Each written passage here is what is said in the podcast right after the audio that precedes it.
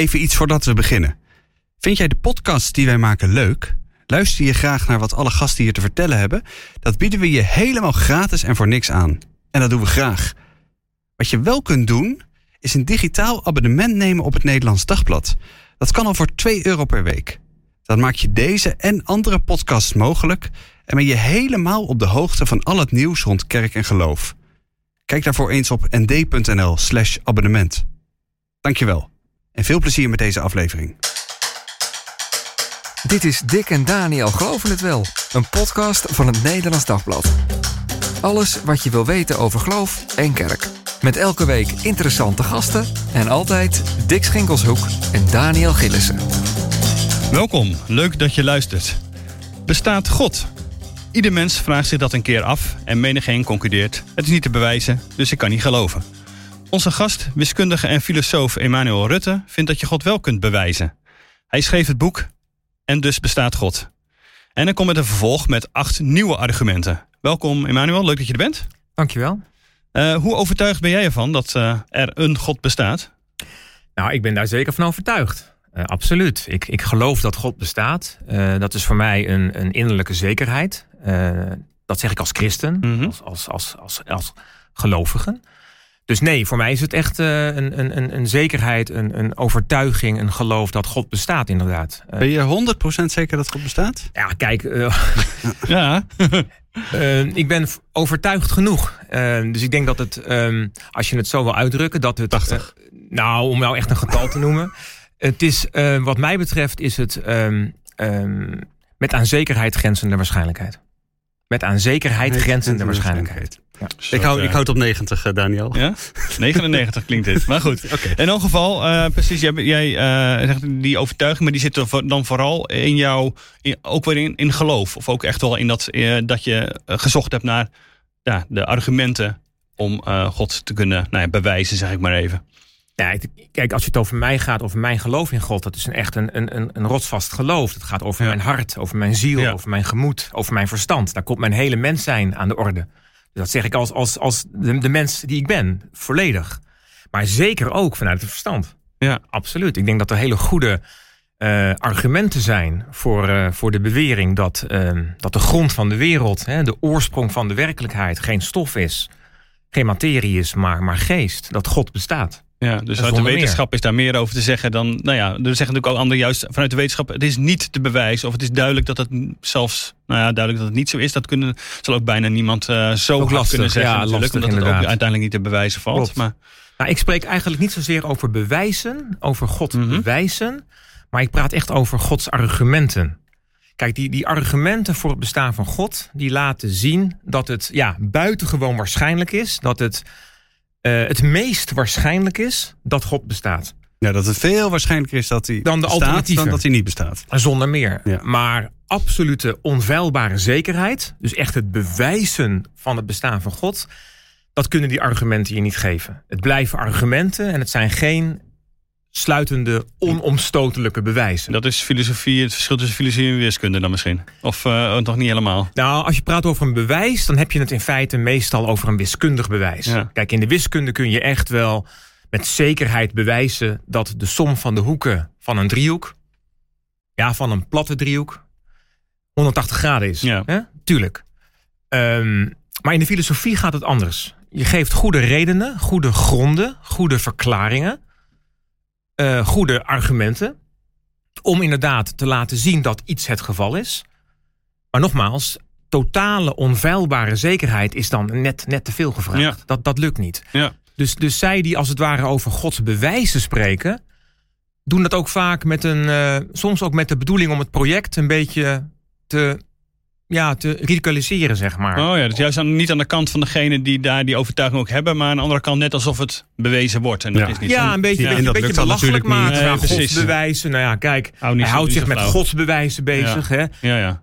Ieder weldenkend mens begrijpt toch wel dat je het bestaan van Ja. God inderdaad niet kunt bewijzen.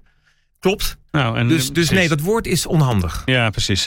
Maar Dick, eh, even, nou ja, welke eh, ja, eh, context bevindt dit gesprek zich eigenlijk precies?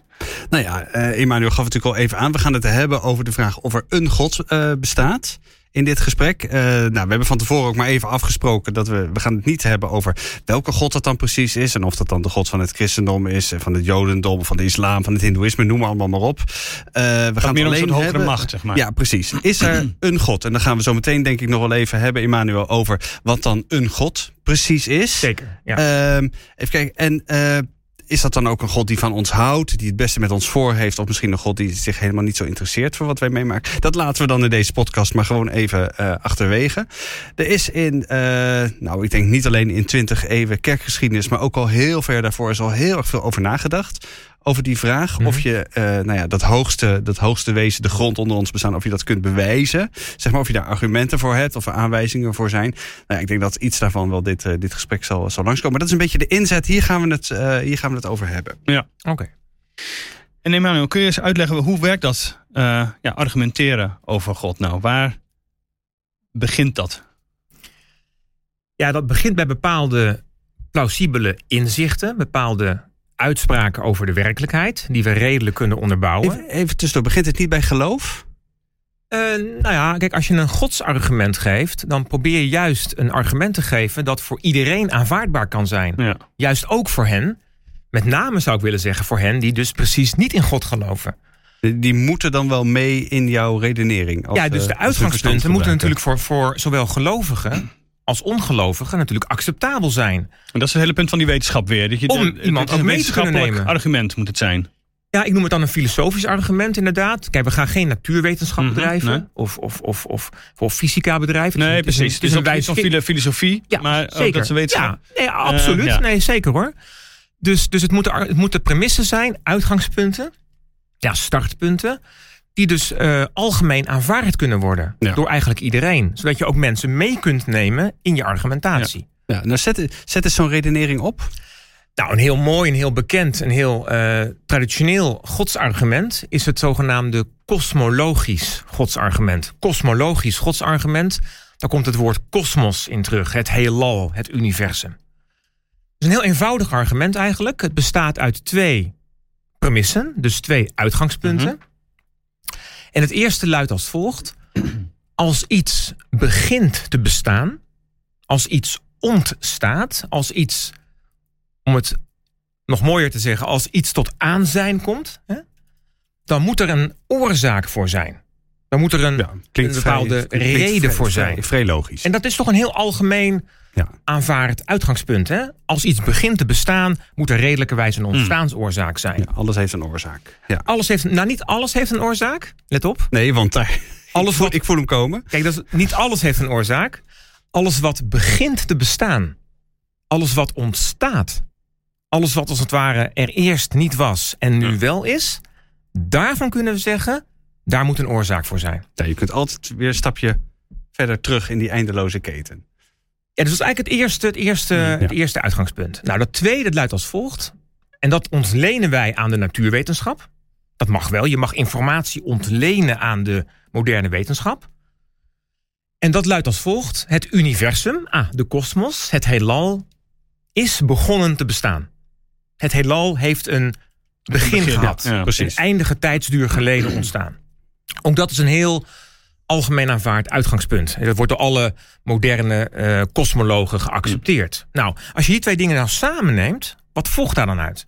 Nou, redelijkerwijs volgt daaruit dat het universum natuurlijk een oorzaak moet hebben. Er moet een oorzaak zijn van de hele kosmos. Er moet iets die die oerknal of wat het ook geweest is in gang hebben gezet. Ja, dus er moet een, een ontstaansoorzaak zijn, een, een, een, een ontstaansoorzaak van het hele universum. En kan dat geen toeval zijn, zeg maar? Nou, maar we hebben nu die ontstaansoorzaak in beeld. En daar gaan we hmm. nu iets over zeggen. Want we hebben nu die oorzaak, die is er. Dat volgt uit die twee beginselen. Hmm. Kijk, als we de twee beginselen accepteren... alles wat begint te bestaan heeft een oorzaak... het universum is begonnen te bestaan... ja, dan volgt daar logisch uit...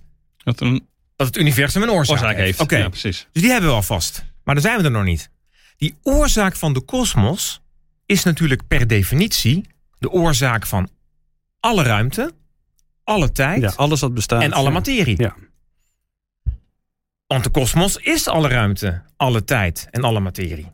Oké, dus de oorzaak van alle ruimte, van alle tijd en van alle materie, kan zelf niet materieel zijn. Want ze is de oorzaak van alle materie, materie. ja. En ze kan zelf ook niet in de tijd zijn. Want ze is de oorzaak van de tijd. En ook kan ze niet in de ruimte zijn. Want ze is de oorzaak van de ruimte. Ja, Dus krijgen wij nu een onstoffelijke, een niet-stoffelijke, buitenruimtelijke, buitentijdelijke oorzaak van de kosmos. Nou, een onstoffelijke oorzaak van de kosmos is redelijkerwijs geest. Bewustzijn.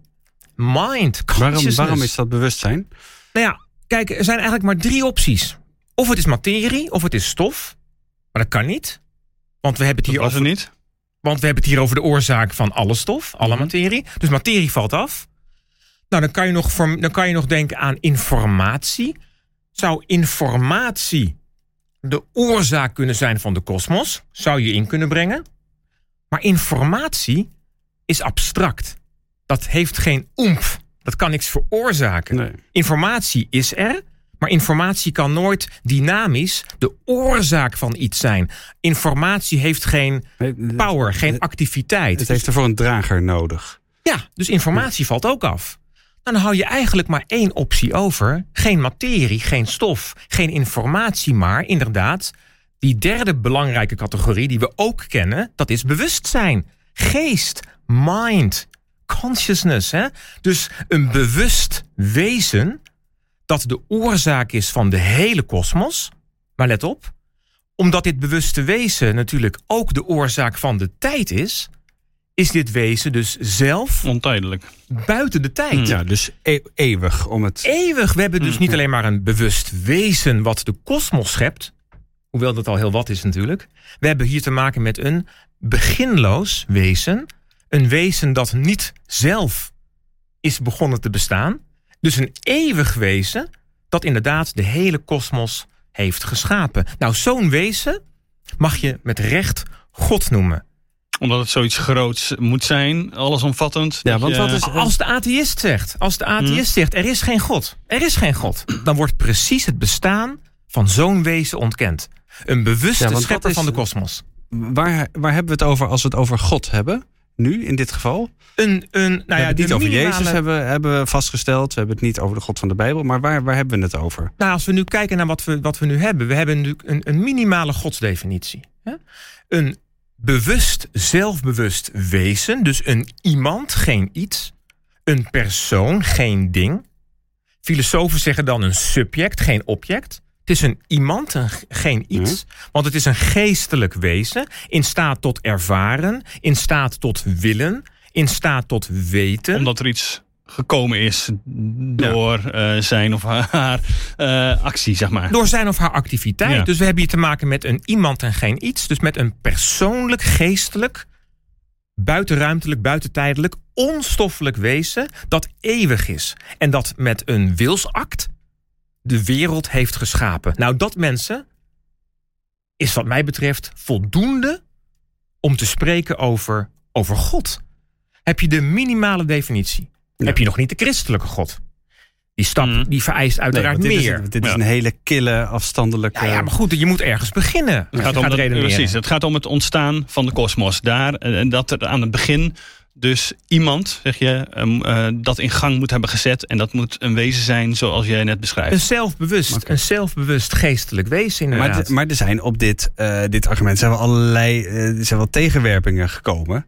Eh, bijvoorbeeld, eh, je zou best kunnen redeneren dat ook dit wezen waar we het dan over hebben, Ja. deze eh, God, dat hij ook zelf weer een oorzaak heeft gehad. We hoeven, we hoeven er natuurlijk niet van uit te gaan dat de oorzaak van het heelal de allereerste oorzaak van, nou, van, van, van alles is. Oké, dus, dus dat is een mooie vraag. Zo'n bekende tegenwerping ook. Kijk, we concluderen dat dit wezen buiten de tijd is.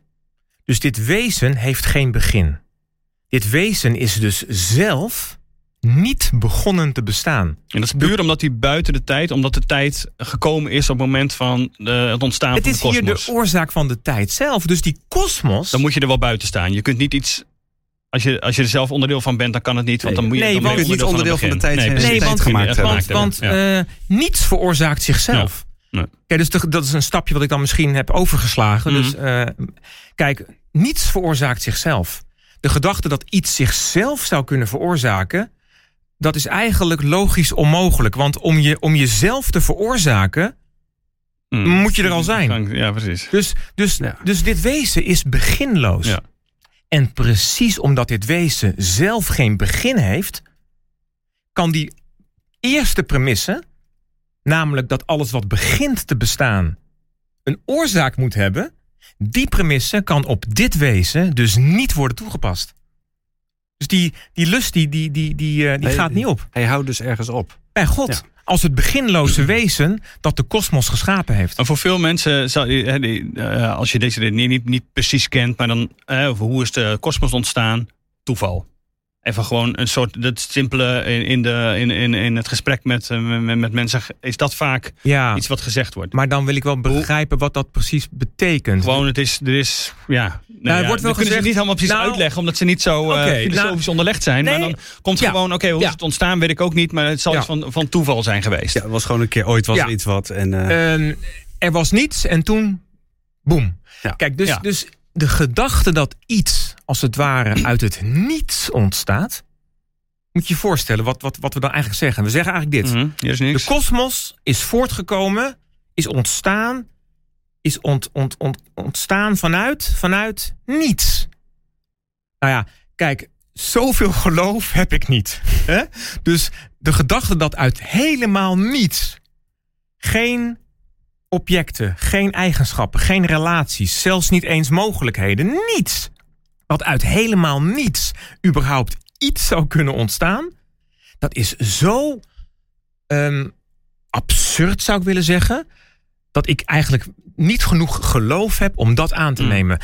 Eh, ik denk dat de gedachte dat, dat als vind ik iets dus ontstaat... nog wel heel mooi dat je dat zegt. Want je zegt eigenlijk heb je voor het geloof in God heb je minder geloof nodig dan in het geloof in, nou ja, in wat jij dan toeval noemt. Mm. Kijk, dus, dus, dus ehm, dat iets altijd ontstaat uit iets, lijkt me nou eigenlijk een van de meest veilige uitgangspunten uit de geschiedenis van de mensheid. Er is niets veiliger om te geloven, denk ik, dan dat. Dus als we dat niet eh, meer kunnen aannemen, ja, dan, dan capituleer je eigenlijk voor het denken. Dan, dan zeg je eigenlijk anything goes. Ja, nee, het is gewoon niet redelijk, laat ik het dan zo zeggen. Het is niet redelijk om daarvan uit te gaan. Het is veel redelijker om ervan uit te gaan dat als iets gebeurt, als iets begint, als iets ontstaat, dat er dan gewoon een verklaring voor moet zijn. Een oorzaak. Ja, maar je hebt met genoeg a- atheïsten gedebatteerd. Hè? Eh, Zeker. eh, hier, ook hierover, Zeker. ook over dit eh, Ja, punt. zeker. Waar, waar, waar, eh, waardoor komt het dan dat je hen niet eh, daarvan overtuigt, zeg maar? Want Ja. waar zit bij hun dan het probleem op, op dit punt? Ja, dus dan moet ik eigenlijk gaan psychologiseren. hè. Dat is Want lastig dat is het. voor een Het is filosoof. maar, dat zij een argument hebben. denkt, Oké, maar daar. Nee, ik denk dat de nou, reden waarom het, nou, dat, is, dat is wel een beetje zo. Ze, ze, hebben, ze hebben hier wel een tegenargument op. Wel. Bijvoorbeeld tegen maar dat er bijvoorbeeld een eindeloos aantal universa bestaat. En dat het Ja. ene uit het andere komt. En dan heb je dus geen God nodig aan het Ja. begin. Maar dan heb je een eindeloze reeks van universa die Ja. opkomen, blinken en verzinken. Maar dan nog heb je het idee, moet iets, dan iets Nee, maar het begin zijn natuurlijk. Ja, dat is een nee, beetje het nee, niet als dat, nee, niet als dat oneindig is. En het probleem. Het gaat gewoon, het is om, ja, ja. Precies, het probleem van dat wij ons dat niet kunnen voorstellen, wil nog niet zeggen dat, Dat het niet zo is. Ja. Dat Nee, dat is het de- de bekende, ja, het bekende multiversum Ja. eh, punt. Nou, en kijk, voor dit argument speelt het multiversum eigenlijk geen rol. Omdat je namelijk van het hele multiversum kunt laten zien... dat uiteindelijk het hele multiversum zelf... uiteindelijk ook een oorsprong moet hebben. Dat is een vrij lastige eh, kosmologische exercitie. Maar het geheel van alle universa zelf... heeft uiteindelijk ook een absoluut begin. Dus je kunt het hele argument wat ik zojuist gaf kun je eigenlijk ook geven door niet vanuit het universum te starten, maar te spreken over het hele multiversum.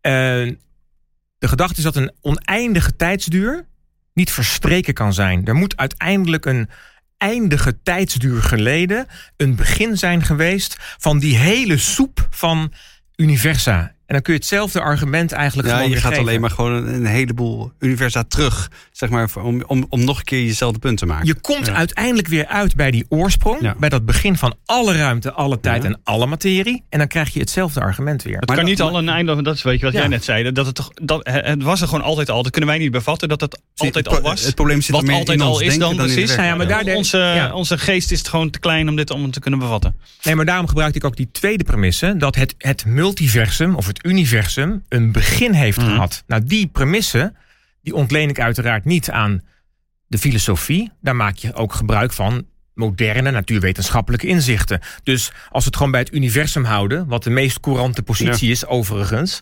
eh, dat is de, de mainstream. Er is een kosmos, er is het universum. Ja, de fysica leert ons gewoon dat het universum een begin heeft gehad. Dus het is buitengewoon redelijk om daarvan uit te gaan. Want ja, je, je beroepen op modern wetenschappelijk onderzoek is volgens mij buitengewoon plausibel en redelijk. Ja, Dus- dat mag je. Maar dan toch nog een keer die vraag van Daniel. Hoe komt het nou dat je dan bijvoorbeeld met dit argument niet, alle, eh, niet al jouw atheïstische eh, debatpartners, ik wil nou niet meteen zeggen tegenstanders, Nee, maar, maar- debatpartners eh, eh, eh, klim krijgt? Waarom zeggen ze niet van ja, inderdaad, ja, als we zo kijken, dan, dan moet God Ja. gewoon bestaan. Dan moet ik gaan psychologiseren natuurlijk. Hè? Van wat speelt er nou precies bij mijn eh, gesprekspartner? Ja, of gewoon bij de mensen in zijn algemeen. Want het, het, het, het stikt van de mensen die denken... Ja, van, het nou ja, niet, kijk, wat ik wel eens ervaar, zonder nou gelijk op allerlei voorbeelden in te gaan, maar in het algemeen, wat ik wel eens ervaar, is dat er een soort, een soort weerstand is. Een soort ressentiment of zo, of een soort weerstand. Men wil niet dat het waar is. Dus ehm bekende atheïst, eh, toch maar noemen dan, een bekende atheïst is eh, ook filosoof, is eh, Thomas Nagel, Thomas Nagel. Eh, heeft een boek geschreven, Mind and Cosmos. En daarin zegt hij gewoon in de inleiding: I just don't want Mm. it to be true.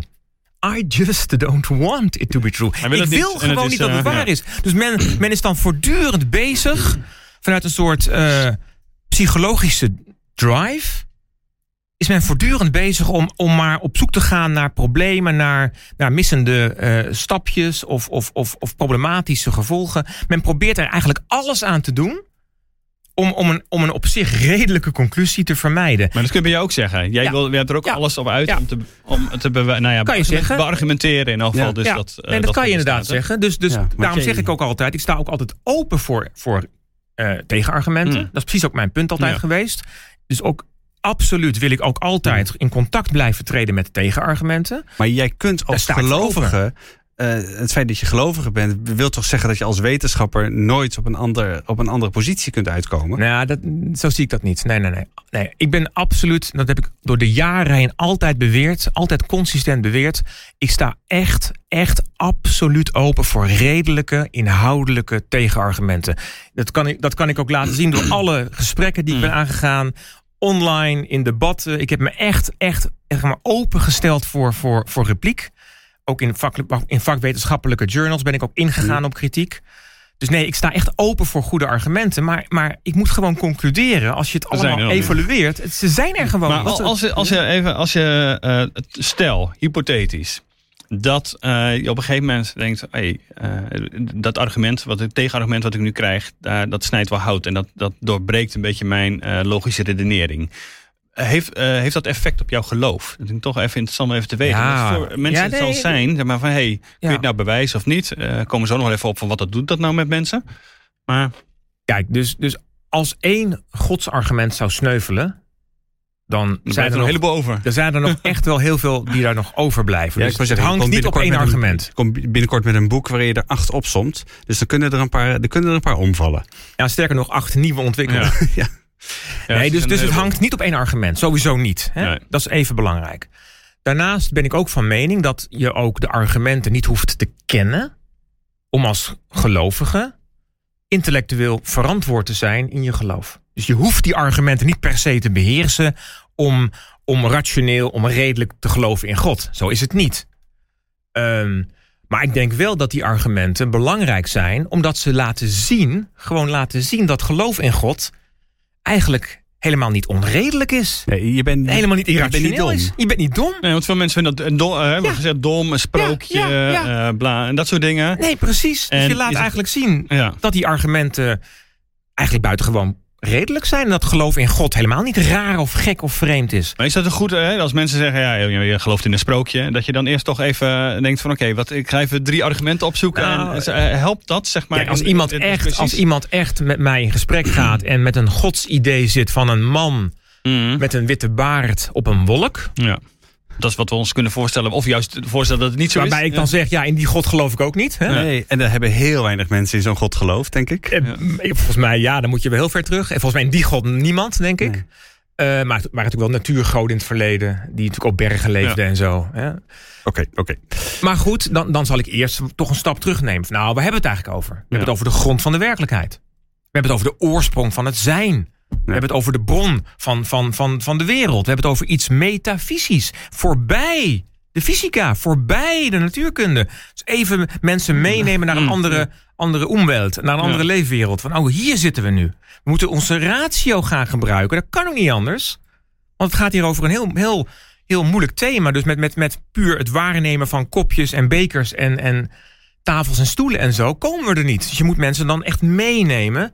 En dan zal ik inderdaad een argument voorstellen. Om alleen maar gewoon inderdaad de, de waarschijnlijkheid te laten zien. De, de aannemelijkheid te laten zien. Maar zou het helpen als wij alle als, als christenen, en ik zeg dus even inderdaad even wij, uh, allemaal deze argumenten zouden kennen en dat het in gesprekken, uh, discussies, dat je veel uh, nou, beargumenteerder dan alleen, ja, ik geloof het, ik ervaar het zo, ik, Want dat, voor mij is dat, het belangrijk. Dat best wel vaak. Dat mensen zeggen, ja, je kunt het ook allemaal niet bewijzen, dat geloof, maar ik geloof het gewoon. En dan denk ik ook wel eens stiekem, uh, vergeef me, van dat mensen denken, ja, ik voel me er eigenlijk ook wel gewoon, gewoon lekker bij. Ja. En ik hoef me dan ook niet heel veel verder te, te onderzoeken. Nee. Ik, uh, ik krijg hier een prima gevoel van. En ik vind het leuk dat ik uh, dat met mensen op zondag deel. En uh, ja, even... Begrijp ik, begrijp ik. Maar ja, kijk, ik denk wel dat die maar argumenten... Je, maar jij zegt ook, je kunt wel iets verder komen dan dat. Ja, maar kijk, ik denk dat die argumenten ook iets met, met, met weerbaarheid doen. Je wordt er ook als gelovige ook wat weerbaarder door. Mhm. Als jij gewoon weet dat die, dat die uh, case for God, dat die gewoon sterk staat, intellectueel sterk staat, en je kent misschien een paar argumenten, dan ben je ook wat beter uh, voorbereid als je het gesprek aangaat. Dan word je niet onmiddellijk onzeker of in een hoek gedrukt.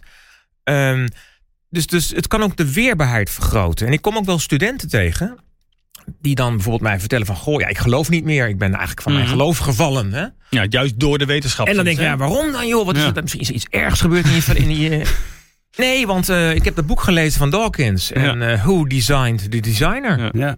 Who Designed the Designer, Emmanuel? En ik zei... En dat was voor jou het moment om dan niet meer in God te geloven. Jij zei, ja, ik, het, het, het kan niet, het klopt niet. En als je dan met een paar pennenstreken even kort wat dingen toelicht... en dingen even weer in, in, het, in het gelid zet... dat iemand dan denkt van, jeetje, ja, inderdaad... Dat is helemaal geen goed argument. Dat is helemaal geen reden om van mijn geloof af te vallen. Dan help je mensen juist ook in hun geloofsopbouw. Dus het is een soort, ja, een, soort een, uh, een bijdrage geven aan de weerbaarheid van, van de geloofsgemeenschap Ja. uiteindelijk. Ja, dus je, je brengt niet-gelovigen, die, die probeer je een beetje aan het twijfelen te, te brengen. Van nou, hoe redelijk is het nou eigenlijk wat je gelooft? En je probeert gelovigen een hart onder de riem te steken. Met nou, het is helemaal niet zo, niet zo raar wat jij Dat is dus gelooft. één, dat, is, Ja. dat zou ik dan één doel willen noemen. Het heeft Ja. meerdere doelen natuurlijk. Dat is Ja, één belangrijk doel inderdaad. Maar vind ik, een- vind ik een belangrijk aspect van deze argumenten. Dus, dus als we inderdaad eh, daar helemaal geen kennis van nemen, dan worden we sneller onzeker. En dan worden we ook angstiger voor de reden, worden we angstiger voor wetenschap.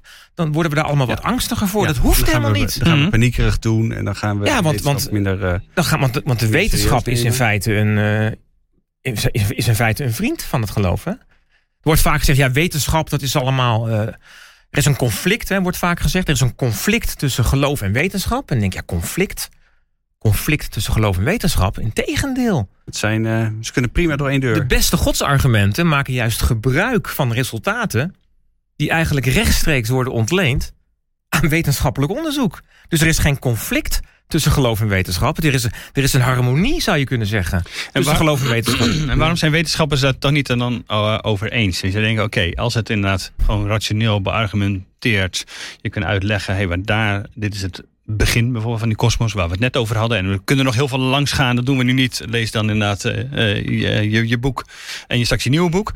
Maar uh, dat je daar niet over eens wordt. Want dat zou een soort feitelijkheid moeten zijn. Waar je met elkaar, nou ja, even heel simplistisch in mijn woorden, 1 plus 1 is 2. dan moet je toch kunnen over kunnen redeneren dat dat dan klopt.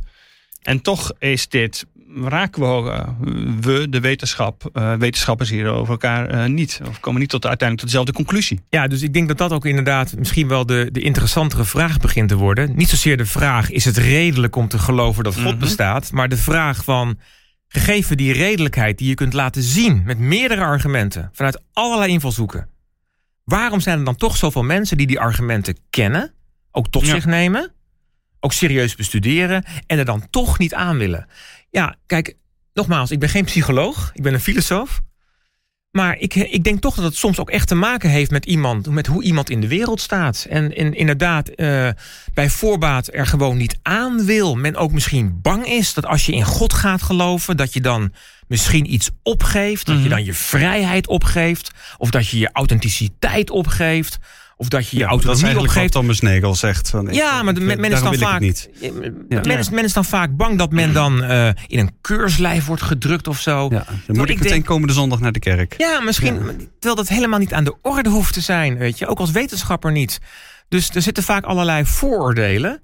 En soms ook misschien wel verborgen angsten bij. Bij het idee dat er een God bestaat. En dat je je daartoe kunt verhouden. Uh, dus die argumenten kunnen wel bijdragen om dingen een beetje in beweging te krijgen.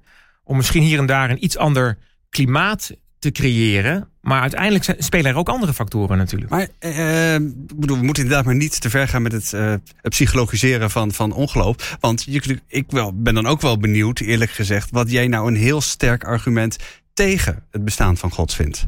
Wat is zo'n argument waarvan jij altijd denkt: wow, oké, eh, oh, daar heb je hem weer. uh, diepe, diepe hap lucht, deze is lastig. Nou, kijk, kijk, een echt rechtstreeks argument voor de bewering dat God niet bestaat. Die is natuurlijk heel lastig. Waarbij God wordt opgevat als een bewust, ja. een zelfbewust wezen dat de oorzaak is van de kosmos. Om daartegen te argumenteren, dat is eigenlijk ondoenlijk. Ja, want dan zou je ook moeten kunnen bewijzen dat er geen paarse zwanen bestaan. Dat is gewoon eigenlijk dat kun je niet doen. Dus het is, dus het is in die zin, uh, het is wel geprobeerd hoor. Maar, maar dat, is, dat is gewoon, er zijn mijn, mijns inziens, zijn er geen goede argumenten voor die bewering. Nee. Maar, iemand, als, iemand als Herman Philipsen, die draait dat natuurlijk ook heel, heel vaak om. Hè? De, de, de Utrechtse uh, filosoof. Die zegt heel vaak, ja, maar wacht even, de bewijsvoering ligt niet bij mij als atheïst. Ligt jou, ja. Ik, maar ligt bij jou als, als, als theïst, als gelovige. Kijk, Overtuig mij maar. En ik ben nog steeds niet overtuigd. En ik ben altijd bereid om die handschoen op te nemen. Dus je ik hebt wel regelmatig gedebatteerd. Ik vind het prima om argumenten te geven. Hoewel ik eigenlijk van mening ben dat het iets anders ligt. Maar dat is wat technisch. Dus laat, laat ik even rusten dat die bewijslast helemaal niet zo uh, onevenredig verdeeld is. Helemaal niet. Maar, maar laat het even rusten. Ben ik altijd bereid om te zeggen van als iemand zo begint, prima. Dan geef ik argumenten en dan kunnen we het, kunnen we het daarover hebben. Dus dat vind ik op zich uh, geen probleem. Dus um, die argumenten ontbreken aan die kant. Maar wat wel natuurlijk een heel interessant uh, punt blijft, een belangrijk punt blijft, is natuurlijk de vraag naar het lijden in de wereld. Dus als je dat wat concreter gaat worden... en je gaat meer naar de christelijke God... Ja, precies. Wat, misschien voor een ander wat is dat dan voor God? Ja. Dus als je gaat naar de christelijke God... dan komen daar dingen bij. Een God van liefde. Ja, en dan krijg je de dingen als uh, Arjen Lubach die zegt van de, met zoveel lijden in de wereld, het kan niet dat er een God bestaat. Daar liggen belangrijke thema's. Met ons te maken heeft. Ja. Absoluut, nee, absoluut. En daar liggen hele belangrijke thema's. Die moeten we heel serieus nemen. Ik denk zelf, en dat heb ik ook in mijn werk laten zien, dat we dat argument kunnen weerleggen. Dus ik geloof dat het lijden in de wereld, hoe verschrikkelijk ook, geen reden is, geen goede reden is om te geloven dat er geen liefdevolle God is. precies. Maar het is wel een belangrijk punt en dat moet absoluut aandacht krijgen. Kun je nog wel iets over zeggen dan toch? Want ik denk dat het wel. Het vraagt heel veel. En ik denk dat het lastig is om dat uh, nog in, uh, in de ja, want dat, uit te leggen. is eigenlijk wel een eentje die natuurlijk mensen ja. veel tegenkomen. Of waar, waar kun je daar die informatie vandaan halen om te weten van hé, hey, wat breng okay. ik dan daartegen in? Nee, goed. Kijk, dus, dus, dus in mijn boek Overwegingen mm -hmm. um, uit 2017. Um, heb ik een artikel, een, een, een hoofdstuk geschreven over deze vraag.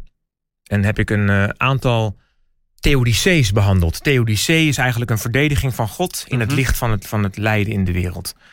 En ik heb daar zelf een aantal voorstellen gedaan, maar ook een aantal klassieke voorstellen behandeld. Nou, laat ik een klassiek voorstel nemen, wat we eigenlijk al terugvinden, eigenlijk um, in Genesis zelf, in de Bijbel zelf. Begin van het eerste Bijbelboek, hè? Daarom, dus laten we nog even dan naar de kern gaan. Daarin wordt uiteindelijk ook gezegd uh, dat kun je daar ook gewoon zien, dat uiteindelijk de mens zelf verantwoordelijk is voor het leed in de wereld. Het leed in de wereld, het lijden in de wereld is door de mens ingebracht. We moeten niet naar God wijzen, we moeten naar onszelf wijzen. Wij hebben dit gedaan. Wij zijn verantwoordelijk. Dus, dus de vrije wil die wij hebben gekregen, mhm. heeft ons echt in staat gesteld om het goede te doen, het goede te kiezen, maar natuurlijk ook om eventueel het kwade te kiezen. En we hebben daar helaas als mensheid gebruik van gemaakt. Nou, die, eh, dat argument vind ik sterk. Eh, Ja, dat is later ook door Elvin Plantinga uitgewerkt Mhm. als de free will ja. defense. Ja. Dat is een, even een voorbeeld Ja. om, om eigenlijk al even te laten zien dat het allemaal niet zo makkelijk is om onmiddellijk uit het lijden in de wereld direct te concluderen dat er dus geen goede God kan zijn. Nee, Ja. want het is natuurlijk wel heel vaak mensen zeggen, nou, na, na Auschwitz, na de Ja. moord op 66 miljoen Joden, kun je dit niet meer geloven. Eh, dat, eh, maar ja, dan, er zijn allerlei tegenargumenten. Dat, ik merk ook meteen dat die bij me ermee dan weer opborren. Ja, er zijn heel maar veel- heel veel dingen als God zo zeggen, machtig is, had hij het ook kunnen Nee, voorkomen. precies. hij Je kunt er wel een paar podcasts over maken over het Eh, lijden. Ja, en daar ga ik op in. Dus En dan tsunamis en zo. Ja. Ik bedoel, mensen En veroorzaken toch natuurlijk geen kwaad, en tsunamis. natuurlijk kwaad. precies. Ja. Nee, maar in, in, daar ga ik precies op in, op die, op die zaak inderdaad. Dus ehm, Ja. Daar valt heel veel over te zeggen. Ja. Maar hebben ehm, deze argumenten, brengen die eh, mensen dichter bij God? Kom je tot, nou ja, om het maar even christelijk te zeggen, tot geloof, zeg maar, op basis van een boek zoals dat van jou? Hoor je dat, merk je dat? Ik heb voorbeelden absoluut meegemaakt. Mensen die mij persoonlijk benaderd hebben. Ja. Ah, d- Daar zijn echt voorbeelden van. Die dat ook wel. eh, Voorbeelden van mensen die... die mij benaderd hebben en hebben echt gezegd van joh, door deze argumenten heb- ben ik op een pad gezet wat mij Mhm. uiteindelijk bij het geloof gebracht heeft, of wat mij weer terug Ja. bij het geloof gebracht heeft. Ben ik ook even benieuwd. Zijn er dan ook mensen die door jou op een pad zijn ge- gezet en die uiteindelijk moslim zijn geworden, bijvoorbeeld? Want de, de Nou, islam kan zich van eenzelfde type de, de, argumenten voorbeelden die mij, de voorbeelden die ik ken, die mij persoonlijk hebben benaderd, waren voorbeelden uit de. Ja, het waren christelijke voorbeelden. Ehm, ehm, maar Ja, wat, wat, maar in wat, theorie had het gekund natuurlijk. Ja, natuurlijk had zeker gekund. Dat had gekund, ja, natuurlijk.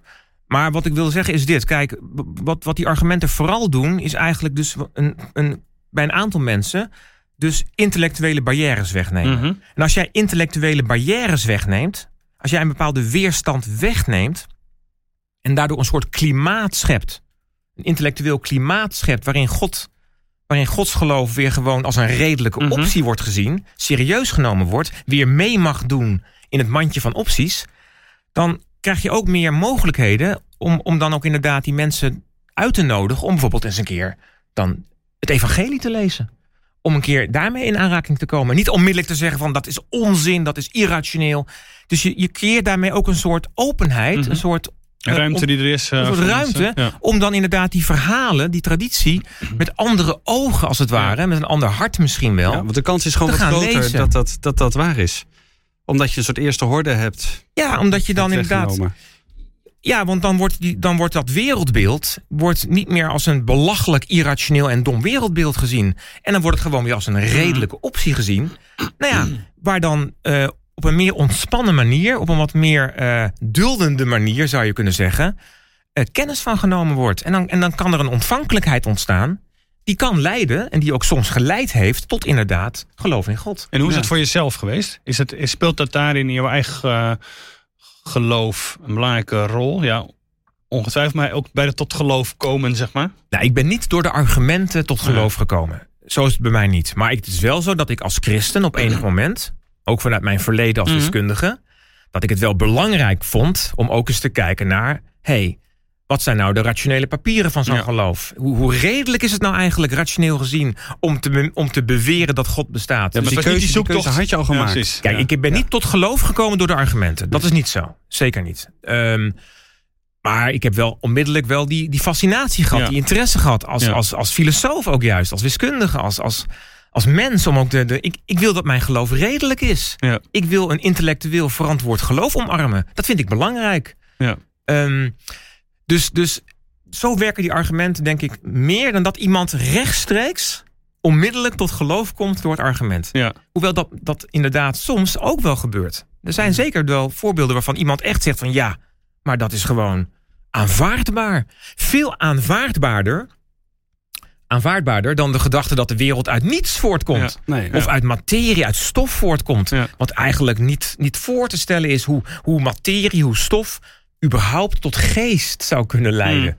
Dus, dus ehm, Maar er zijn ook Ja. gelovige christenen, eh, breder dan dat, denk ik, die het ook wel een beetje kan irriteren. Zeg maar, het idee van, oh, we moeten het allemaal bewijzen. Nee, gelo- geloof is geloof, zeg maar. En als je allerlei, nou ja, eh, dan krijg je natuurlijk ook de voorbeelden van, eh, we hebben de Ark van Noach gevonden, zeg maar, dat soort, dat soort verhalen. Maar Ja. dat, dat soort bewijzen, zeg maar, dat het ook, ook eigenlijk ver- ver- vervelend wordt. Dat mensen zich daar denken, blijf daar een beetje bij, Nee, dus- bij dus- weg. Ik ben totaal met je eens. Daarom zal ik het woord bewijzen ook echt vermijden. Ik vind het woord bewijzen om, om allerlei redenen een vervelend woord. Het, het, het, het is gewoon inadequaat. Het, is, het werkt gewoon niet. Doet geen recht aan waar we mee bezig zijn. En, en ehm, bewijzen of argumenten opdringen? Nee, absoluut niet. Dat is iets wat we natuurlijk helemaal niet moeten willen. Maar ik zou wel mensen willen uitnodigen. Als ze daarin geïnteresseerd zijn. Om daar gewoon eens wat meer kennis van te nemen. Ja. Ja, Hey, Emmanuel, het is binnenkort een, eh, een uh, retraite, geloof Oh ja. in de wetenschap. Klopt. En daar, daar, ik denk dan een retraite waar jij spreekt over wetenschap. Ik bedoel, het is een retraite in een, in een klooster. Ik, even, het gaan even wat dingen door elkaar lopen dan in mijn hoofd, merk ik. Van een retraite is dan ben je toch stil. En dan ga je toch vooral dieper dan alleen met je verstand. Hoe, eh, wat, wat ga je daar doen? Ja, dat is inderdaad een retraite ergens eh, begin september, inderdaad. eh, waar ik ben uitgenodigd om een verhaal te houden over inderdaad de relatie tussen geloof en wetenschap. Dus geloof in wetenschap, inderdaad ook geloof en wetenschap. Dus ik probeer daar ook te laten zien dat geloof en wetenschap eigenlijk prachtig samengaan. Dus wat ik zei, geen conflict vormen, maar een harmonie vormen. Ook zal ik daar wat godsargumenten natuurlijk inbrengen. Eh, maar het is vooral een, een, een, aantal dagen van bezinning. Dus mensen komen daar samen om te praten over deze thema's. Om daar de rust voor te nemen. Om daar de tijd voor te nemen. Dus ik denk in die zin retraite. De rust en de tijd nemen om, om daarop te reflecteren. Er zijn ook wandelingen gepland in de omgeving. En om vanuit die rust en die reflectie gewoon eh, tot, tot, ja, tot, tot een zeker inzicht te komen. Waar ik dan een, een bijdrage aan mag leveren. Ja. Ben jij zelf iemand van, van een retraite en mediteren en in jezelf keren? En... Nou, ik ben niet echt van het mediteren. Nee, dat, eh, nee dat, dat is niet iets wat ik nou echt omarm. Dan Maar- neemt je hoofd het heel snel over. Maar nogmaals, eh, als mensen dat, dat, dat mooi vinden en goed vinden en belangrijk vinden, prima. Eh, maar het is niet mijn weg. Nee, het is niet mijn weg. Dat is dus op 9 en 10 september. En er komt dus ook een nieuw boek van je in november. Eh, datgene waarboven niets groters gedacht kan worden.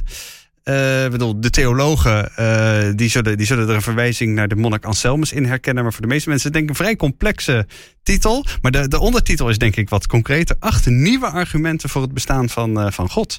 Ik ben heel, heel erg benieuwd met wat voor nieuwe argumenten je nog kunt komen na zoveel eeuwen denkgeschiedenis. Ja, het zijn argumenten die ik in de afgelopen ja, jaren heb ontwikkeld. En ook nu ook voor het eerst bij elkaar breng in één boek. Ja, en dit is een publieksboek, hè? even voor de goede orde. Je Ja. hoeft geen wetenschapper te zijn om dit een beetje te kunnen snappen. Nee, het is een publieksboek. Ehm, er wordt enige affiniteit gevraagd met het thema natuurlijk. Mhm. Maar eh, ik probeer ook dingen echt uit te leggen. Ook in voetnoten. Moeilijke begrippen toe te lichten. Dus eigenlijk zou het voor iedereen toegankelijk moeten zijn. Die dus, ja, die dus geïnteresseerd is. Ja. Die zich aangesproken voelt door het thema. Zeker. Nou, dus als je er meer van wil weten, en ja, waarom zou je niet na deze podcast? Eh, dan eh, kun je in november jouw, eh, jouw boek kopen. En nou ja, al die andere boeken zijn ook beschikbaar. Dus verdiep je hier verder in. Dank, Emmanuel, voor dit verhaal. En voor de duidelijke uitleg. Voor ook voor juist eh, toch wel iets wat, wat ook eh, wat heel ingewikkeld kan zijn. Waar je ingewikkeld over kunt praten. Maar wat je heel, eh, denk ik, nou ja, voor mij in ieder geval begrijpelijk hebt gebracht. Dank daarvoor. Dank voor het luisteren. Leuk dat je weer de moeite nam om ons aan te zetten. En wij zijn volgende week weer bij je terug.